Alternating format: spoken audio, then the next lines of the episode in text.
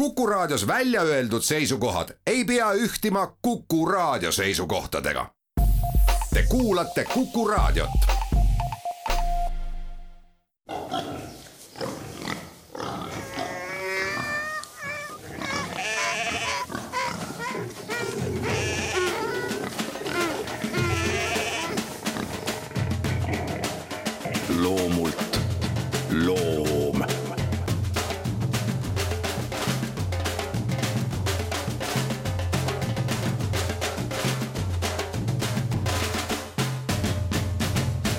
Tere hommikust, mu head sõbrad ja alustuseks täna äh, veel paar sõna haavist. ausõna ma enam ei tee lõpetame selle haaviga, kes on vapustavalt huvitav kala. no ähm, kõik, kes kuuluvad tema sugulusseltsi, äh, nad on kõige lähedasemalt evolutsiooniliselt, bioloogiliselt seotud lõhilastega. jaa, väga erineva välimusega, väga erinevate kommetega nii-öelda, eks ole, erineva etoloogiaga kalad nad on, kuid nad on tõepoolest väga lähedaselt seotud ja huvitaval kombel see äh, lööb eelkõige noh, kui me tegeleme tõesti puht zooloogiliselt, teaduslikult äh, nende kalade äh, nii-öelda äh, arengu ja siis loomulikult evolutsiooni aspektidega, see nende lähedane sugulus lööb silma just nimelt parasitoloogile. parasitofaunad on üsna lähedased, tõepoolest mäletate, meil oli juttu sellest, et äh, linnud väga, väga kindlalt ja üsna sirgelt dinosaurustest arenenud. Püsisoojased selgroogsed, kõrgemad selgroogsed loomad, linnud äh, on evolutsioneerinud nii-öelda enam-vähem sirgelt, seal suuri nii-öelda vapustusi ilmselt kuigi palju ei olnud, vähemalt äh, vähemalt ähm, mis puutub ähm, äh, jah, haneliste, aga siis ka kurvitsaliste, äh, tegelikult ka kanaliste ja röövlindude, eks ole, päevaste röövlindude seltsidesse, mis puutub igal seltsil, lindude seltsil, nendel liikidel on oma ja suurel määral unikaalne. Just nimelt paelussidest. See on siis tsestoodidest, kindlad seltsid, lindude seltsil on paelussidest kindel selts parasiteerimas. Ja nende suhted on tolerantsed, nii nagu parasiitpiremees suhted üldse arenevad tolerantsuse, sallivuse poole. Nii on ilmselt ka paljude teiste loomadega ja täiesti võimalik, et kaladega. no päris nii nagu lindudel, nii selge, nii kindel seos parasiitide ja peremeeste ja suurte taksoonide seltside vahel siiski ei ole, kuid tõesti lõhilased ja haugilised, jah, väga kindel, kah puht parasitoloogiline nii-öelda äh, evolutsiooniline seos, aga sellest me täna ei räägi, ma mainin, ma ei saa seda mainimata jätta, üht äh, minu meelest täiesti veetlevat ja, ja, ja oivalist ja väga huvitavat ähm, just nimelt Eesti äh, müüti. see ei ole väga levinud ei hakka praegu lausa folkloristikasse suunduma, noh, ma ei ole seal ikka päriselt kodus, eks ole, kuigi olen eluaeg väga suurt ja põlevat nii-öelda huvi tundnud selle vastu, kuid üks müüt loob mulle silma küll. just nimelt haugi kalast. Äh, müüt on järgmine, kunagi elas haug metsas ja ta oli väga-väga äge kiskja. ta murdis hirvi ja põtru, jäneseid ja oravaid, rotte ja lambaid, sigu ja nii edasi. ta täitis hundi niši. hundi ei olnud, kuid igavene saatanas, äh, kes äh, loomulikult tegeleb igasuguste pettustega. selleks ta tihtipeale muudab ennast küll naisekujuliseks, mehekujuliseks, lapsekujuliseks, aga ka loomakujuliseks. ja ta muidugi suudab ennast muuta nii sipelgalaadseks kui ka karulaadseks, hobuse, lõhikala, aga paraku havilaadseks ta ennast muuta ei suutnud. miks? Väga lihtsal põhjusel kas te olete haugi pead keetnud ja siis noh, nii-öelda lahti võtnud? kui olete, siis te teate, et haugi peas, tema koljus, on üks kindel noh, luu või luine moodustis, mis üks-ühele on ristikujuline. Tal on rist peas püha märk, püha sümbol. ja see asjaolu takistas väga resoluutselt saatanat ennast muutmaks haviks. igaks loomaks saab ta ennast muuta, mitte haugikalaks. ja ta sai nii vihaseks sellest, et lõi hunti noh, me teame loomulikult, et äh, saatanad, kuradid ja kogu see vägi reaalselt midagi luua ei saa. loob ainult issand Jumal. ja kõik, mida teeb saatanas selleks, et inimesi petta ja kiusata, see kõik on näilik. kuid väga asjalik, noh, sellise hea kindla talupoja tarkusega rahvas äh, siiski no ei võta päris omaks seda mõtet. ju ta ikka suudab midagi või kedagi luua. see põrguline, kes istub nurgas, saatanas.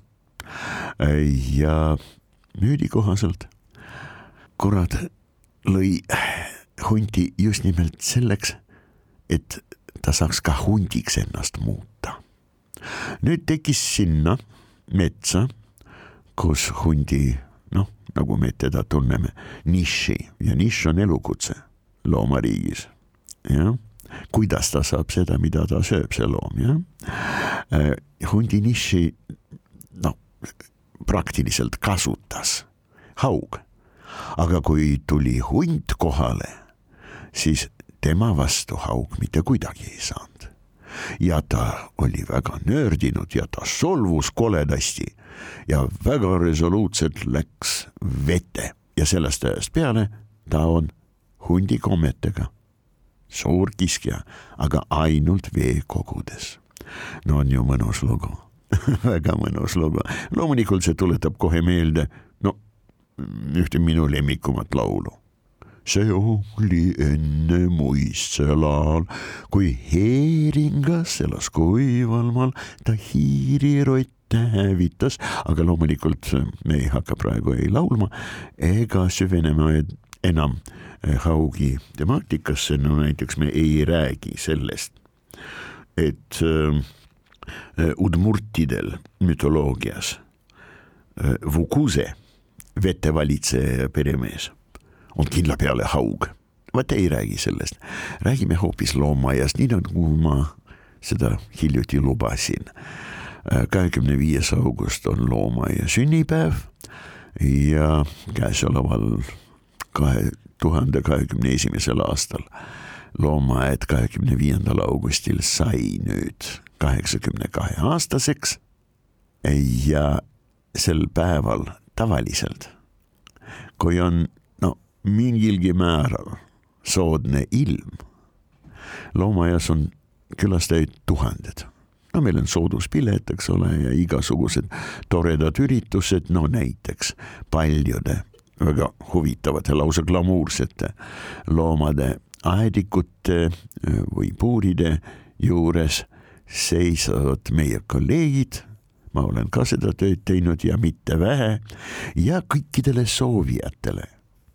Erinevalt olukorrast, kus on tellitud ekskursioon ühele kindlale grupile, kindel ekskursiooni juht, kindel giid, noh, teeb, viib läbi seda ekskursiooni. ei, sellisel päeval nagu loomaaia sünnipäev, ka loomulikult lastekaitsepäev, siis on meil ka tuhandeid, vahest kümneid tuhandeid on olnud ka esimesel juunil loomaaias. me oleme lihtsalt noh, andke andeks varnast võtta, eks ole, kes tahab midagi teada hüljestest, elevantidest, ninasarvikutest, karudest, palun, siin on loomaaia töötaja kindlatel kellaaegadel loomulikult ja teeb siis vastavat tutvustavat juttu. meil oli see ka kahekümne viiendal augustil sel aastal loomulikult niiviisi korraldatud, kuid inimesi oli väga vähe. ilmaga oli tegelikult loomaaia külastamiseks, kui te tahate näha ülipõnevaid stseene. ilm oli ideaalne, tiputas vihma, äh, oli tuuline, see reeglina ei meeldi imetajatel jalutada ja võtta midagi ägedat ette, kui on muutliku suunaga tuul. aga vähemalt loomaaia kohal ja loomaaias tuul oli kindlalt ühesuunaline ja paraja ühe ja sama enam-vähem kiirusega, vähemalt päevastel tundidel. õhtul see hakkas muutuma, loomulikult hommikul oli väga muutlik, varahommikul, kuid siis, kui külastajad said tulla ja mõned tulid ma ei oska öelda, palju meil inimesi oli, aga loomulikult järkude võrra vähem, kui hea ilmaga oleks olnud, selge see. kuid kõik said loomulikult täielikku informatsiooni, no näiteks elevantide kohta. minu hea kolleeg ja kunagine õpilane, kes paraku tuli loomaaeda ringi üheksa-aastaselt ja kujutage ette, jäi loomaaeda ta on romaani filoloog, aga ta tunneb loomi no tõepoolest põhjalikult ja loomaaia kollektsiooni tunneb ta ja mis on kõige tähtsam, suudab suurepäraselt esitada ähm,. oli kohal, rääkis Karlist, meie suurest elevandist ja teistest elevantidest ja päris pikalt ja need vaprad inimesed, kes ikkagi olid loomaaias sel ajal äh,, nad kahtlemata said väga toreda elamuse, sest Karlil oli no selline mitte just väga äge, aga küllaltki aktiivne olek, jahe ja jahedus paneb liikuma, mu sõbrad loomulikult ka neid loomi, kes on tehistingimustest no, piiratud eluala nii-öelda äh, tingimustest või peal. ja äh, mind isiklikult rõõmustasid, mitte ainult mind, eks ole, aga ma äh, räägin, et kõige suuremad muljed mulle just nimelt sel päeval oli tuuline, tiputas vihma ja pidevalt, mitte palju, mitte lausvihma, aga just nimelt tiputas, nii et õhuniiskus sada protsenti, see ergutab. erutab ja ergutab nii kevadisel perioodil kui ka vastu sügist ja sügisel.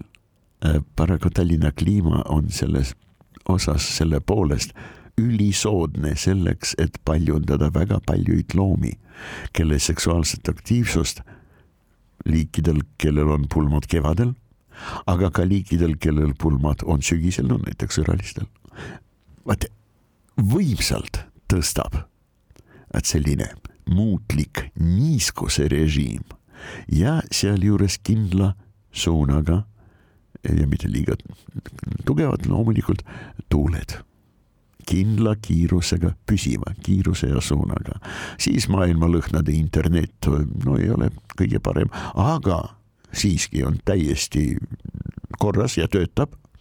ja niiskus, lõhnad, sõbrad, niiskes õhus, lõhnade internet, on väga rikkalik. teeme väikest pausi ja siis ma räägin teile, mida karud tegid. Loomult loom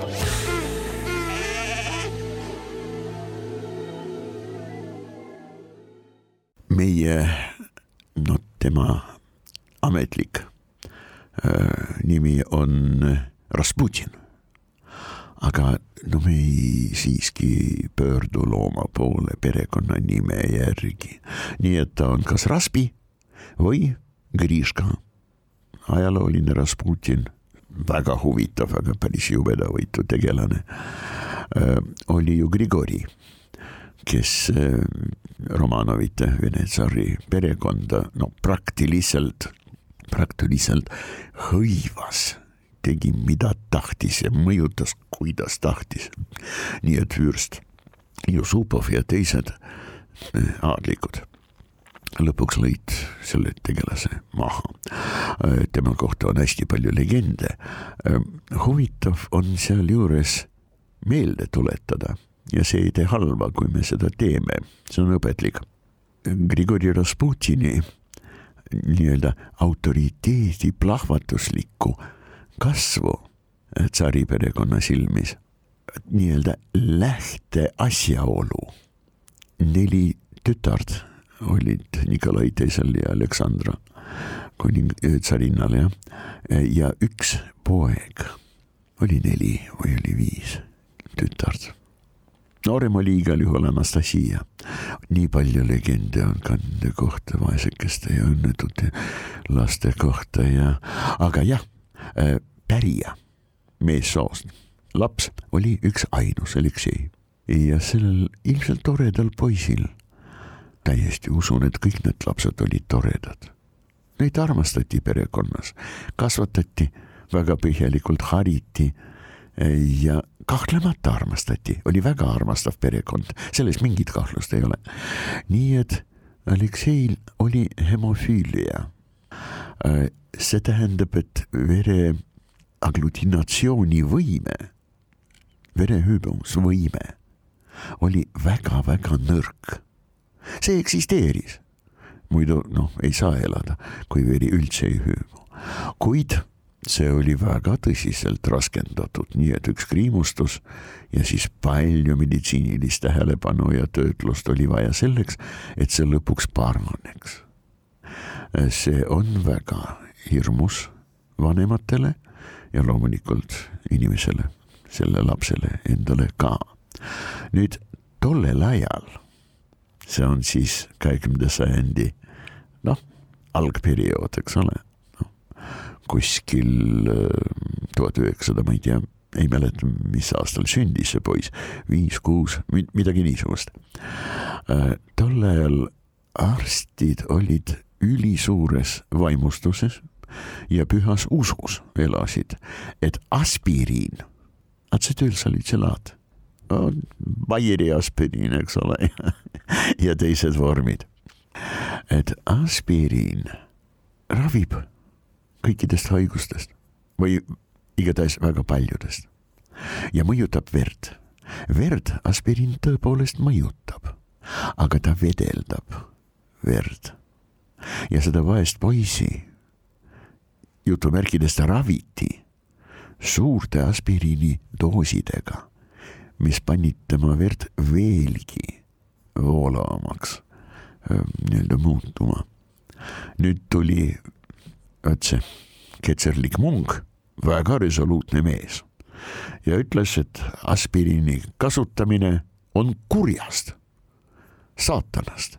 jumal ise Rasputini vägevate võimete kaudu päästab, ravib ja teeb korda tsarevitš, noh siis pärija, eks ole, tsaripoeg Aleksei ja aspiriini kuur võeti maha. tulemus palju parem enesetunne ja hemofüüliaga seotud olukordi, no ikka tekkis. kõige paremini kasvatatud poiss ikkagi vahest kriimustab ennast, eks ole, või saab mingisuguse torge ja veri hakkab voolama ja hüüama. Kuid mured sellega oli korraga palju-palju vähem peale selle, kui aspiriinikuur keelati ära.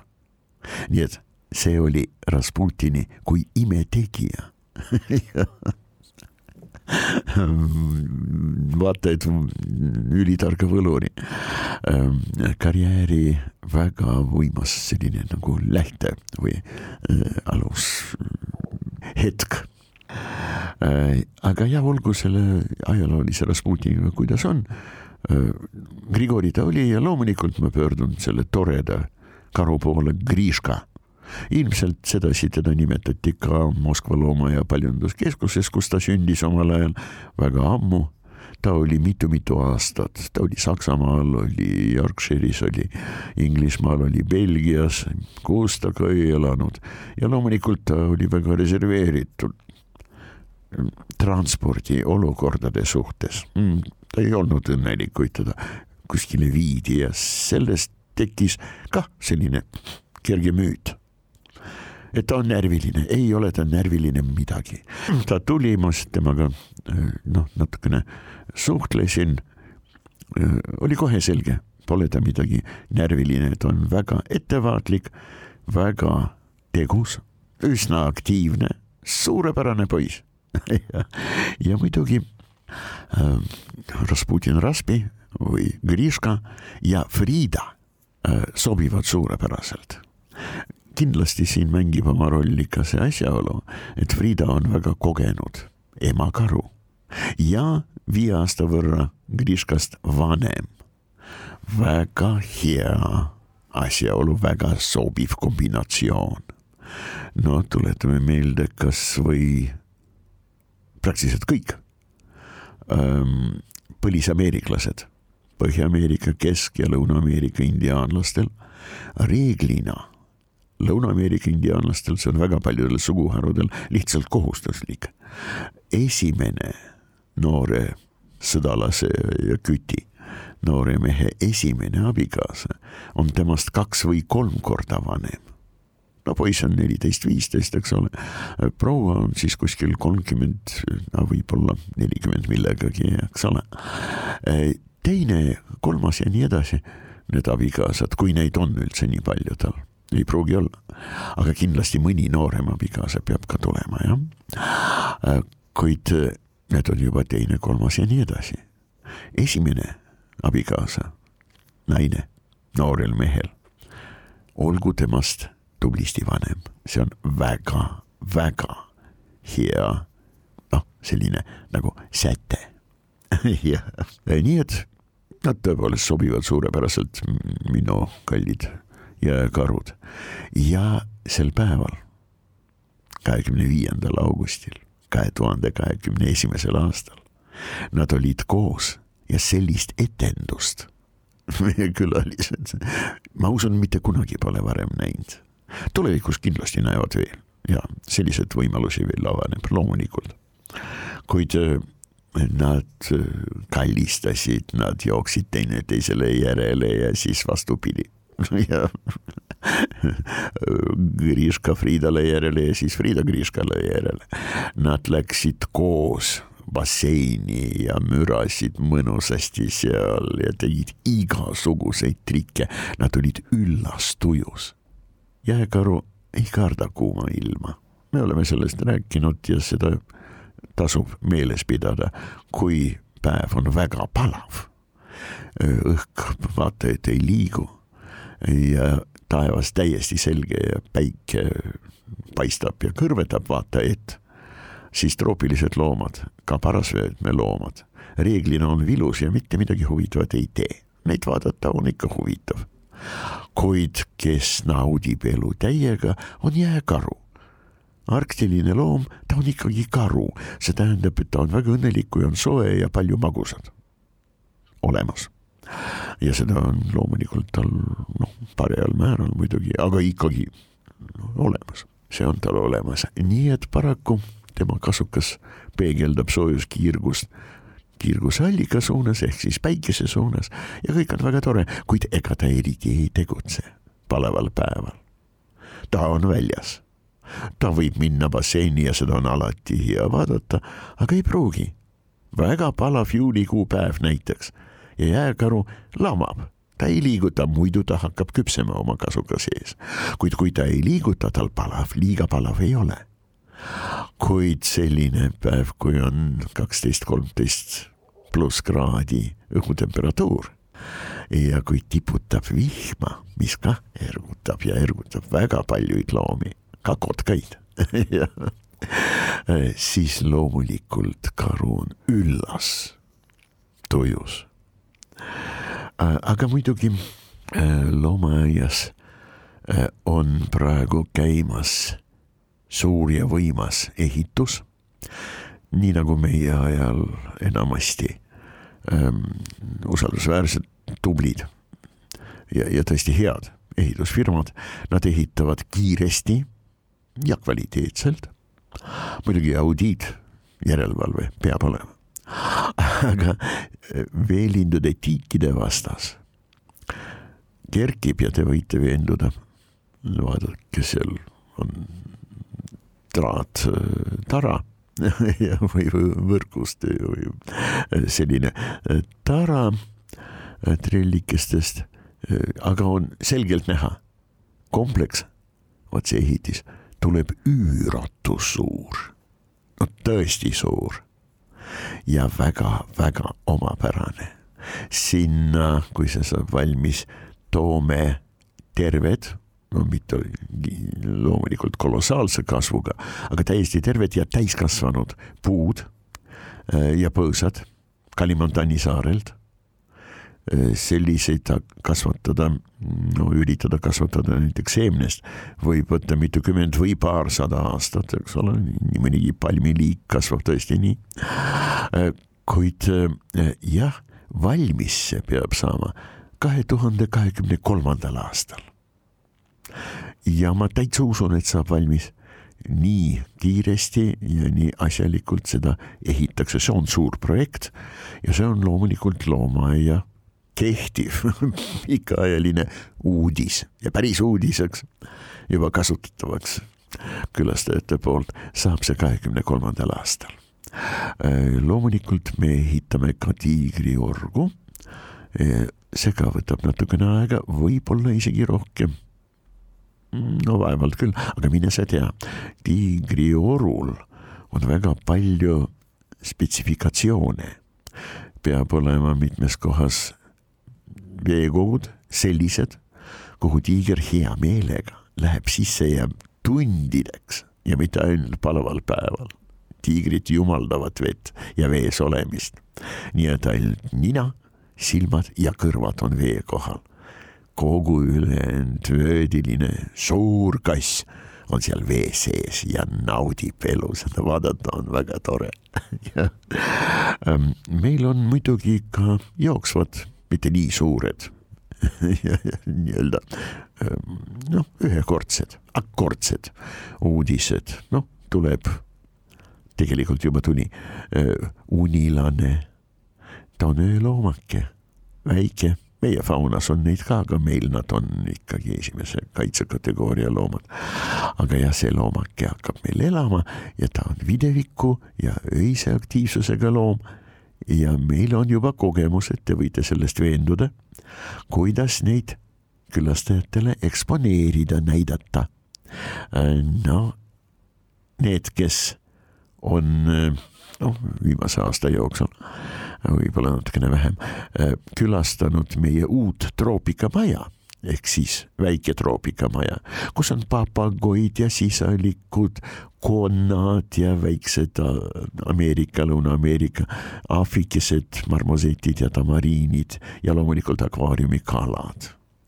no vot, selles majas, kui sa tuled meie pea nii-öelda sõidutee või siis allee poolt, jah, valikatuse alt lähed sisse, siis ma väga soovitan enne päris ekspositsiooniruumi sisenemist, pange silmad no, pooleks minutiks kinni, pestke pimedusega silmad nii-öelda läbi ja siis teie silmad on palju vastuvõtlikumad nõrga, isegi nõrga valgustuse suhtes.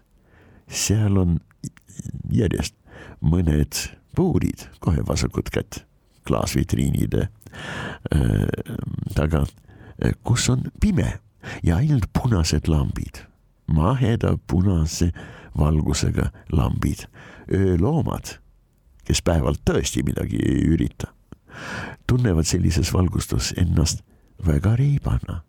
Ja seal on see pesukarulane haardsabaga ja kinkaju, seal on galago, bush baby, üks leemurite sugulane Aafrikast ja kindlasti me saame eksponeerida meie unilast, aga palju teisi loomi. kah sedalaadi tingimustest.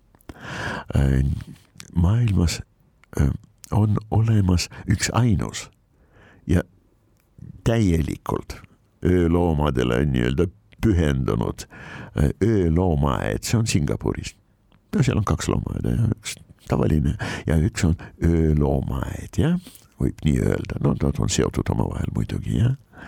nii et seal on igavene pimedus, välja arvatud need perioodid, millal loomad, ööloomad peavad puhkama ja see on siis valgustatud ööpäeva osa.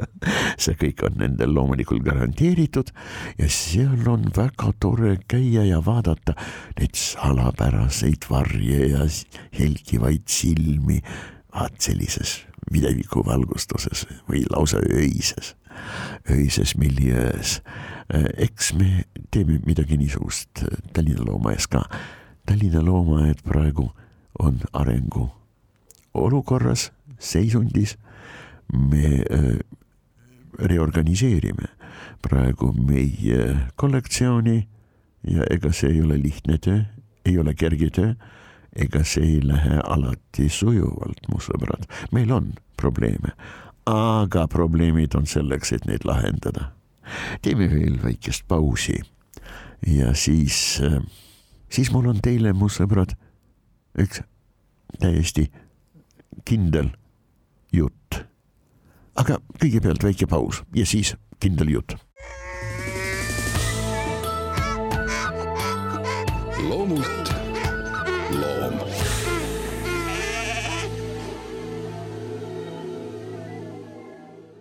Äh, nüüd siis kindla jutuga äh, teie poole ma pöördun ja suurima hea meelega, äh, sest loomult looma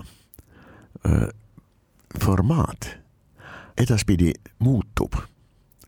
selline noh, otsene saade olgugi et salvestatud kord nädalas ma olen teinud neid saateid ja niiviisi minu meelest umbes kakskümmend aastat. no kuulge, kaua võib eks ole, muidugi võib kaua, kui teile meeldib, selge see, aga edaspidi äh, hakkavad äh, loomult looma saated eetrisse minema äh,. Ma ei tea praegu täpselt, millistel päevadel ja kellaaegadel arvatavasti kuskil rohkem õhtupoole kella kuue paiku, vist sedasi. kuid vahetult kohtume me teiega edaspidi varahommikul ärataja programmis. ja loomulikult ma tean, mida ma hakkan tegema eks ole täiesti, täiesti selge, muidugi, kuid seoses just nimelt selle uue formaadiga. mul on teile, mu kallid sõbrad, ettepanek, otsene ja tõsine ettepanek. vaadake, mulle väga meeldivad küsimused, loomade kohta muidugi, jah noh, kui mul küsitakse minu enda kohta, mul ei ole eriti mugav tunne, mis ma endast ikka räägin, ma räägin loomadest, kui soovite minu elust ja jutu tõesti jätkub, okei okay,, see on selge. kuid küsimused loomade, elusate liikide, ka väljasurnute liikide kohta, aga loomade kohta tekitavad mul väga suurt entusiasmi. Ja ma hakkan vastama. eks ole, sealjuures ma tean kindlalt, mul on see väga kindel põhimõte kindel moto, hoiak loomulikult, et looma kohta tegelikult päris rumalat küsimust esitada tegelikult ei ole võimalik.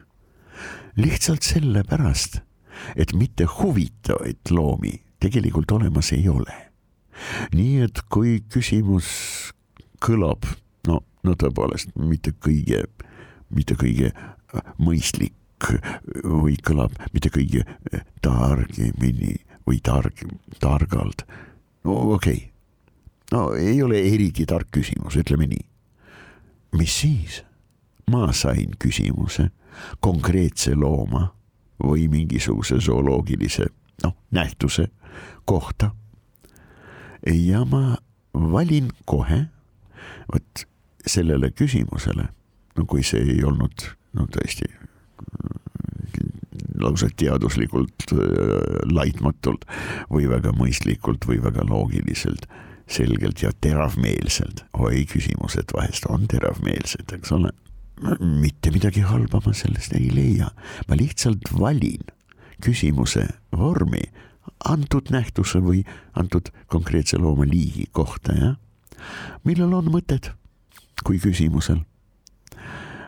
ja muidugi hakkan vastama mul on teile ettepanek, kui soovite ma usun, et ma võin niiviisi öelda, mul on eh, üleskutse ja palve. võtke ühendust, lihtsalt Kuku raadioga, eks ole. see meie digitaalsel eh, ajastul eh, ei ole kellelegi keeruline. ja saatke mulle küsimused, mis teid huvitavad. lihtne näide hiljuti leidis aset üks noorhärra. mul on väga hea meel, et mul õnnestus temaga noh, palju hiljem peale noh, kirjeldava sündmuste, eks ole, aga mul õnnestus temaga kohtuda ja natukene vestelda ja tema emaga. vaat see noormees, ma ei tea täpselt, kas ta oli, kas ta on üheteist, kaheteistaastane, aga poiss kes on väga palju lugenud, vaadanud loomulikult loomadest filme äh, ja suhelnud loomadega ja otsinud neid reaalses looduses. tema hakkas suurt huvi tundma madude vastu. Ja sellel poisil on suurepärane, tublisti vanem vend ja vend võttis ühendust äh, kusjuures ta võttis ühendust vahetult noh, minuga äh, Facebooki kaudu ja kirjutaski, et tema tubli, tark, väga asjalik ja igatpidi väärikas noorem vend põleb suurest huvist madude vastu. kas Loomult looma saates äh, ei võiks ma, Aleksei Turovski, natukene rääkida madudest ma sattusin vaimustusse mõlemast vennast ja loomulikult küsimusest. ja kui ma mäletan praegu, see ei olnud väga ammu, kui ma praegu mäletan, ma vastasin üldkokkuvõttes umbes kolme tunni vältel võtsin ette kõik need umbes kaks tuhat kaheksasada maolist liiki. Äh, muidugi võtsin neid sugukondade kaupa ka, mitte kõik sugukonnad ei äh, saanud mainitud, aga igal juhul vastus tuli, no ütleme, põhjalik, väga tore. muidugi mainisin ka müüdid, mille tekstis maod on kaasatud erinevatest mütoloogiumidest, eks ole. ja vaadake, mu kallid sõbrad, me võiksime niiviisi jätkata. Mul tuleb ära, ärataja mm, programmis, ma ei tea veel täpselt, kuidas see formaat hakkab töötama, milliseks see kujuneb välja, aga ma usun, et mul on korraga kuskil noh, kümmekond minutit ja loomult looma, no nende meie soosimiootiliste rännakute kordussaated lähevad eetrisse ka jällegi ma ei oska praegu ise öelda. Ehm, see on praegu instatuna sendise formaadi muutus, eks ole, tekkimise seisundis aga äh, kindlasti, äh, kindlasti need äh, kordused lähevad eetrisse, eks me näe. Natukene võib-olla mugavamal, nii mõnegi kuulaja jaoks mugavamal ajal, õhtupoole kella kuue paiku. oli vist nii, aga igal juhul, mu kallid sõbrad, kui, see on minupoolne, ma ei ütle, et üleskutse. see on lihtsalt minupoolne ettepanek. kas see ettepanek leiab kajastust, kas see on võimalik? Noh, teatud tingimustes, kas see saab reaalseks või mitte, see sõltub väga paljudest asjaoludest. peale kõige muud, Kuku raadio on ju kommertsraadio, loomulikult. nii et nendes küsimustes ma mitte kuidagi pädev ei ole. aga Kuku raadio on suurepärane raadioühing, meedianähtus ja kindlasti leidakse igasuguseid toredaid võimalusi. Kuid milles seisneb minu ettepanek, see on väga lihtne. kui te soovite täiesti uusi loomult looma saateid ka edaspidi, no kunagi, miks mitte. viimased peaaegu kakskümmend aastat, see on nüüd teine hooaeg. esimene oli iidsetel aegadel kah kuskil kaks aastat või nii. nii et täiesti võimalik, et saab ette võtta ka miks mitte kolmandad, kus tulevad nii-öelda täiesti uued saated. Ma olen valmis, aga tehke häält, kirjutage Kuku raadiole. ja mina olen loomulikult teie käsutuses, mu head sõbrad. olge terved ja rõõmsad ja kohtumiseni mõnusat pühapäeva teile. loomult loom.